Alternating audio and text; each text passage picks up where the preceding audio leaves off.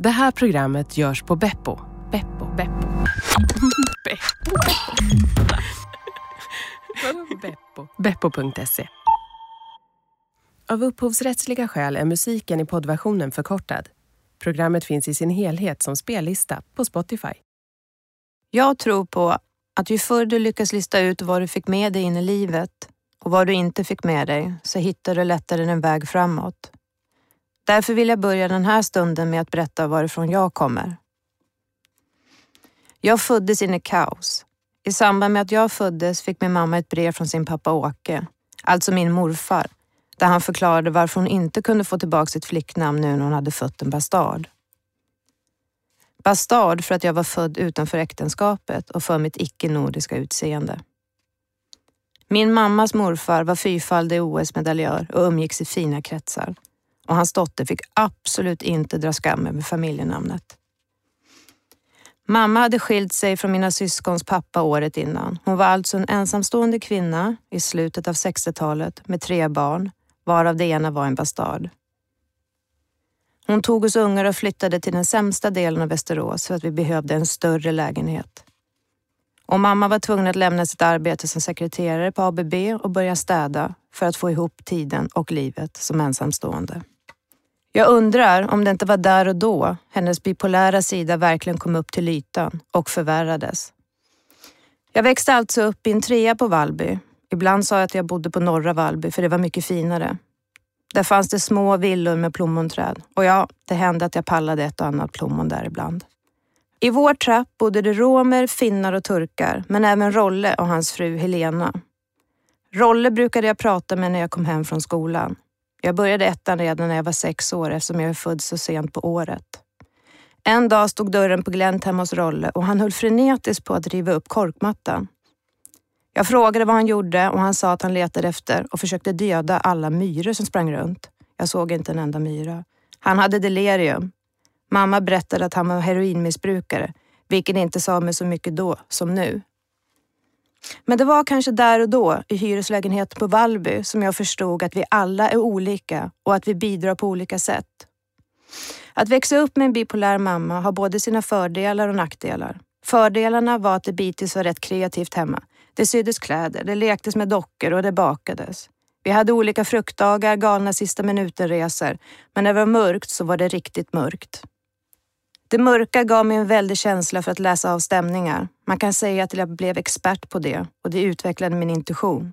Men också min kreativa ådra då jag var ensam hemma mycket och var tvungen att sysselsätta och lita på mig själv, vilket på ett sätt gjorde mig stark. Trots mammas upp och nedgångar så lyckades hon ändå ha en väldig ordning. Vi åt middag klockan sex varje dag och hon tyckte det var viktigt att vi gjorde våra läxor. Det behövdes struktur och ordning i kaoset som hon faktiskt lyckades hålla. Jag dansade ballett och tränade gymnastik upp till 15 års ålder. Sex dagar i veckan.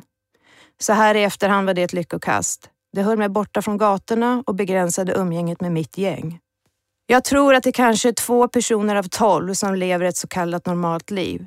Någon tog livet av sig, några sitter på Kumla och andra är tunga missbrukare.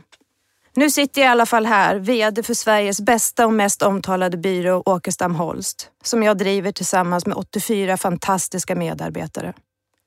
Men det ska nog sägas att det lika gärna hade kunnat gå åt helvete för mig också. Min syster som är åtta år äldre än jag spelade en avgörande roll för att jag blev den jag blev. Hon var min trygghet i livet. Jag fick ligga i hennes säng så ofta jag ville. Hon lekte med mig. Jag fick hänga med henne och hennes kompisar. När vi idag pratar om vår uppväxt så tycker hon att jag var lika stor tröst och trygghet för henne som hon var för mig, även om hon drog det tyngsta lasset. Min uppväxt gjorde mig hård, svag, rädd, stark, wobblig och känslig. Det har också gjort mig otroligt känslig för manipulationer. Jag kände direkt när något inte är som det ska eller om något inte är sant. Men mest av allt så gjorde min barndom mig ödmjuk inför livet. 20 rader hus mot samma grå Juni sky skymmer stadens ljus härifrån Man kan bara se På sommarlovet efter sexan hade jag mitt första arbete. Jag plockade kanadagäss skit på en strand i Västerås i sju veckor. Om jag inte minns fel fick jag 300-400 kronor i lön och jag kände mig rik för en stund. Mitt andra jobb året därpå var inte så glamoröst det heller. Då stod jag och kastade upp hotdogs, 10 och 10 på ett löpande band på Farmex, som var Västerås slakteri. 1992 började jag plugga på ekonomlinjen vid Stockholms universitet. Och varför gjorde jag det? Jag visste inte vad jag ville mer än att jag ville utbilda mig. Och om jag inte kom på något annat så hade jag i alla fall ekonomi att falla tillbaka på. Jag flyttade till Stockholm som 18-åring. Jag bodde på Stora Essingen. Det tog mig nästan två år innan jag vågade ta mig ner till Stureplan. Gränsen var Drottninggatan. När jag väl en dag vågade mig ner dit så var det första jag såg en stor vepa på en av husfasaderna. Jag tror det var för ett bilmärke.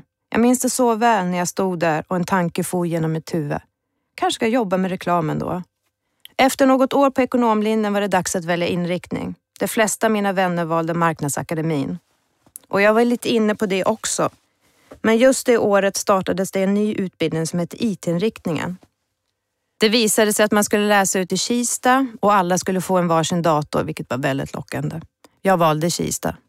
Det visade sig bli ett lyckokast. Utbildningen ledde till att jag började programmera och mitt första riktiga heltidsjobb 94-95 var som programmerare på posten. If you could see me now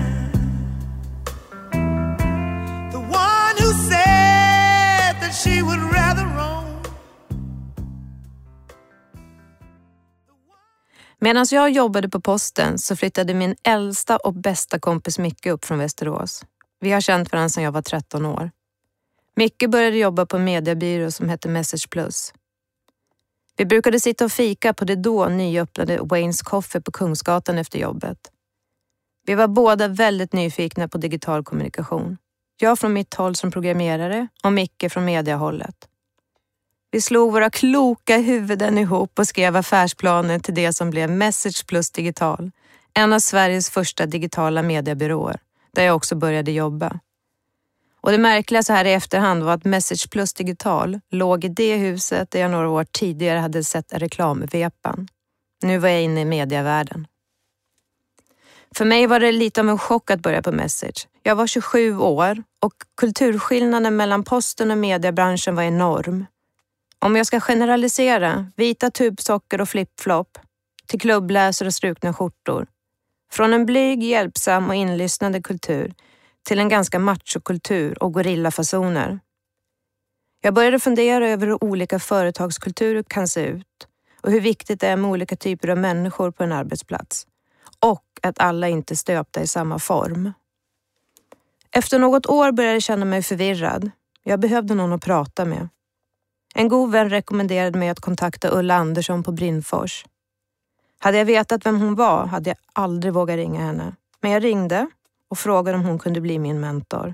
Vi sågs och fortsatte att ses ett tag till tills jag fick frågan av hennes chef, Björn Larsson, om jag ville börja på Brimfors. Och det ville jag ju såklart. Ulla har genom min karriär betytt oerhört mycket för mig, kanske allt. Hon var min förebild. Kanske fick jag också lite skygglappar och på grund av henne inte direkt såg hur konservativ branschen var och hur svårt det var för tjejer att ta sig fram. Jag såg bara Ulla som härjade runt och satte alla gubbar på plats. Efter Brimfors var jag några år på Publicis, sedan på Scholz Friends. Först som projektledare och sedan som VD. Och det var i rollen som VD på Scholz som de stora utmaningarna kom. Redan innan jag var på plats som VD började. Resumé ringde och ville prata med mig om min nya roll och vad jag hade för planer för Scholz framöver. Utan något som helst vett svarade jag i telefonen trots att jag satt hos frisören med sex veckors gammal bebis i famnen. Jag bad inte ens journalisten att få ringa tillbaka utan svarade snällt på frågor och babblade på. Där och då startade min paniska rädsla för journalister, men också insikten om hur viktigt det är att vara förberedd och påläst. Det har blivit bättre ska jag väl tillägga. På Publicis lärde jag mig att jobba med stora kunder och större team och en större förståelse för hur viktigt det är med samarbete, teamkänsla och respekt för att överhuvudtaget bli lyckosam. Både affärsmässigt men också livsmässigt. Jag såg också för första gången hur jag körde över mig själv, både vad gäller min egen intuition men också min integritet. Det var i samband med de åren jag hade en av Frank Zappas briljanta sägningar som ett slags mantra. It's a big difference between kneeing down and bending over. Jag använder det rätt ofta idag också som en slags kompass. Nu kan jag även sträcka mig till att säga det högt när jag blir irriterad.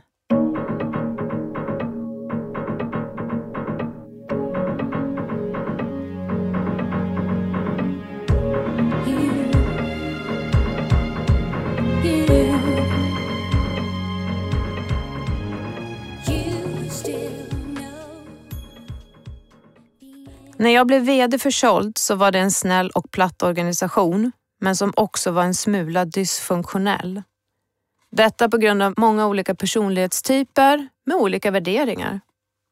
Här lärde jag mig hur viktigt det är med humor och ha roligt på jobbet. Hade vi inte haft det hade det aldrig gått att vända bolaget. Men det blev nästan tre extremt hårda år som VD och som tog på krafterna.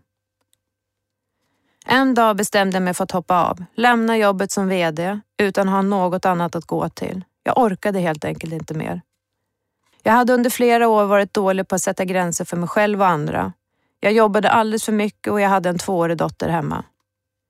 Att hoppa av var i alla fall det bästa jag har gjort, för trots den rädslan jag kände hade jag för första gången ändå någon slags tillit till att det kommer att ordna sig, på ett eller annat sätt.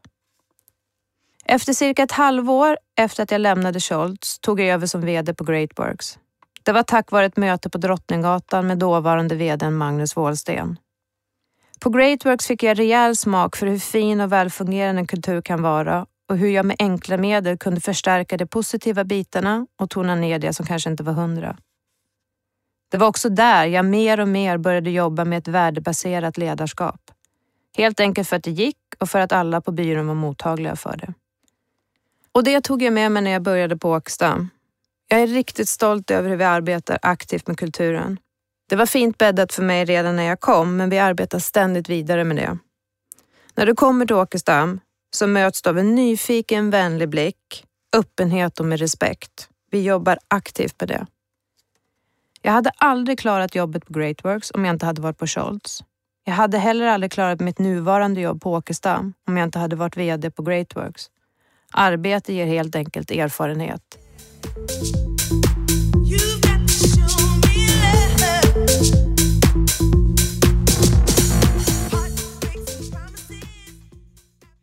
Mamma är trots allt en av mina stora förebilder. Vi har rest en del tillsammans. På en av våra långresor, när vi var i Saigon, inträffade något som jag ofta kommer tillbaka till. Det satt en man utanför Hotell Continental och tiggde pengar. Han hade bara stumpar till ben och han släpade sig fram med hjälp av två runda läderbitar under stumparna. Vi gick förbi honom några gånger till och från vårt hotell och mamma kunde inte släppa honom i tankarna. En dag när jag hade varit ute och sprungit hade hon kollat upp och hittat en fabrik utanför Saigon som tillverkade cyklar där man inte behövde använda benen utan istället använde armarna för att ta sig fram. Det här var alltså 20 år sedan. Jaha, tänkte jag, men vi ska åka till kusten om några timmar så du kommer inte att hinna åka dit. Jag hann inte mer än att tänka tanken förrän hon sa att vi skulle fråga alla på bussen på väg till kusten om de ville donera pengar till cykeln. Jag var 26 år och såg framför mig hur jag var tvungen att gå runt på bussen med en bössa i handen, eller ännu värre, se mamma göra det. Jag informerade att det aldrig skulle ske, utan det slutade med att hon fick en stor del av mina fickpengar istället. Hon lyckades också övertala reseledaren att leta upp mannen utanför Hotel Continental och ta med honom till fabriken när det väl var dags. Hon fick hotellet att skicka över pengar till fabriken så de kunde börja tillverka cykeln. Jag skakade mest på huvudet och lät henne hållas. Efter någon vecka var vi hemma i Stockholm igen och strax därefter damp det ner ett mejl i min inbox. Det var ett mejl från reseledaren. Ett foto var bifogat där han står bredvid mannen utanför Hotel Continental. Men nu sitter mannen på hans alldeles egna klarblå cykel. Det är orden, den lyckan och tacksamhet som steg upp från mejlet är svåra att beskriva. Summa summarum. Om du tror på något, låt inget eller ingen stoppa dig och ta hjälp från det du tror kan hjälpa dig. Det gjorde mamma. Jag trodde i ärlighetens namn att vi inte skulle se röken av vare sig pengar eller cykel. Det sa mer om mig än om henne. Grundaren av Bodyshop, Anita Roddick, är en stor förebild. Hon var bland annat aktivist för mänskliga rättigheter. Men hon var först och främst en affärskvinna som verkligen byggde sitt imperium baserat på vad som är bra för människan och för planeten. Hon var en pionjär inom värdebaserat ledarskap och CSR. Etik och moral stod väldigt högt på hennes lista. Något jag önskar vi ska få se mer av, både i politiken och affärsvärlden.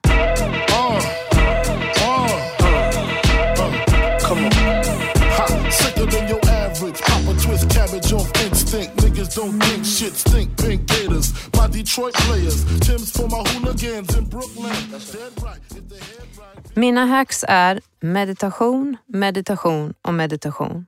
Och att be om hjälp. Delegera och ha tillit till sina medarbetare. Ibland kan jag ha svårt att släppa kontrollen, men då är det oftast något som skaver och då börjar jag med det. Man är sin egen lyckas smed. Du måste vandra vägen själv. Ingen kan göra det åt dig. Det är däremot viktigt att omge dig själv med människor som tror på dig och som du hela tiden lär dig av.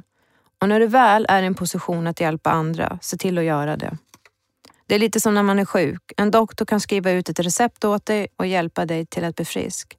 Men du måste själv äta medicinen. Det är ingen annan som kan göra det åt dig. Digge Zetterberg har varit en sån person för mig. Hon har varit med sedan starten av NOA, The North Alliance, som idag består av elva byråer inom design, tech och kommunikation. När det ibland har varit motigt har Digge alltid funnits där som stöd. Hon lyckas bra med att få mig att se saker från ett annat perspektiv. Jag har aldrig aspirerat på att bli VD. Jag väver min matta samtidigt som jag går. Och i det ligger intuition, att följa mitt hjärta och omge mig med människor jag tycker om. Det betyder inte att jag inte sätter upp mål och vet vad jag vill med verksamheten, men det andra är viktigare. Jag kanske jobbar mer cirkulärt istället för alltför linjärt. Det är i alla fall bra att det finns olika typer av ledarskap. Jag har mitt och andra har sitt.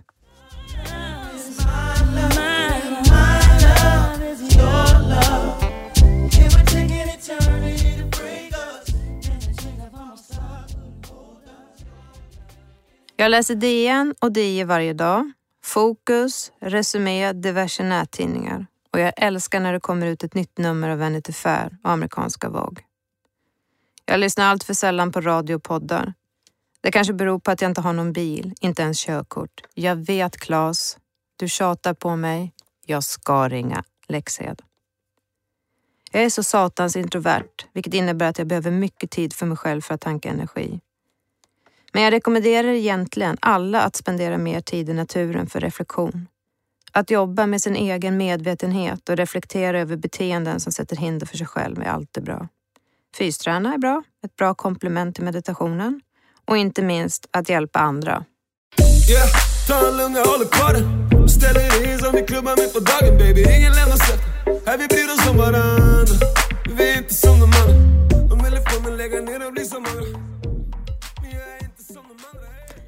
Några veckor ska jag åka till en ranch i Spanien med min dotter där hon ska rida i en vecka.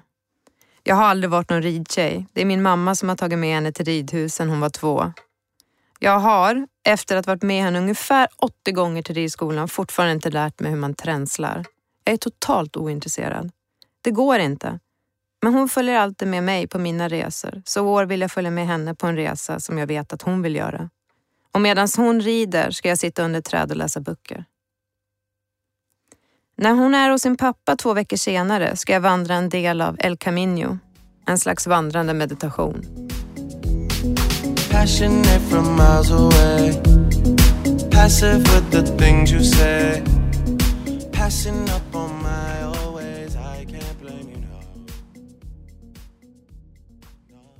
Jag ser företag som mikrokosmos av samhället.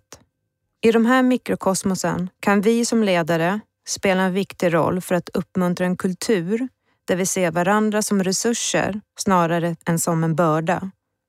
Och där vi tillåter helt olika perspektiv att samexistera och lära av varandra. Om vi strävar efter att bygga mer inkluderande och heterogena företagskulturer kanske vi kan bidra till ett mer inkluderande samhälle i sin helhet.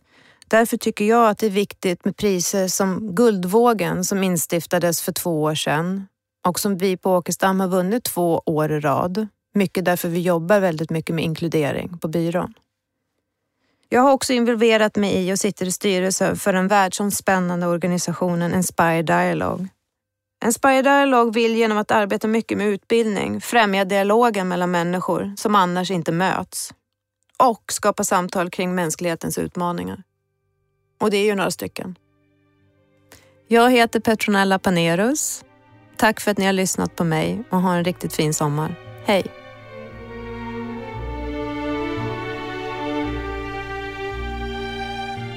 Du har hört ett program i Resumés poddserie I hängmattan, inspelat sommaren 2017. Producent för det här programmet var Jasmin Winberg.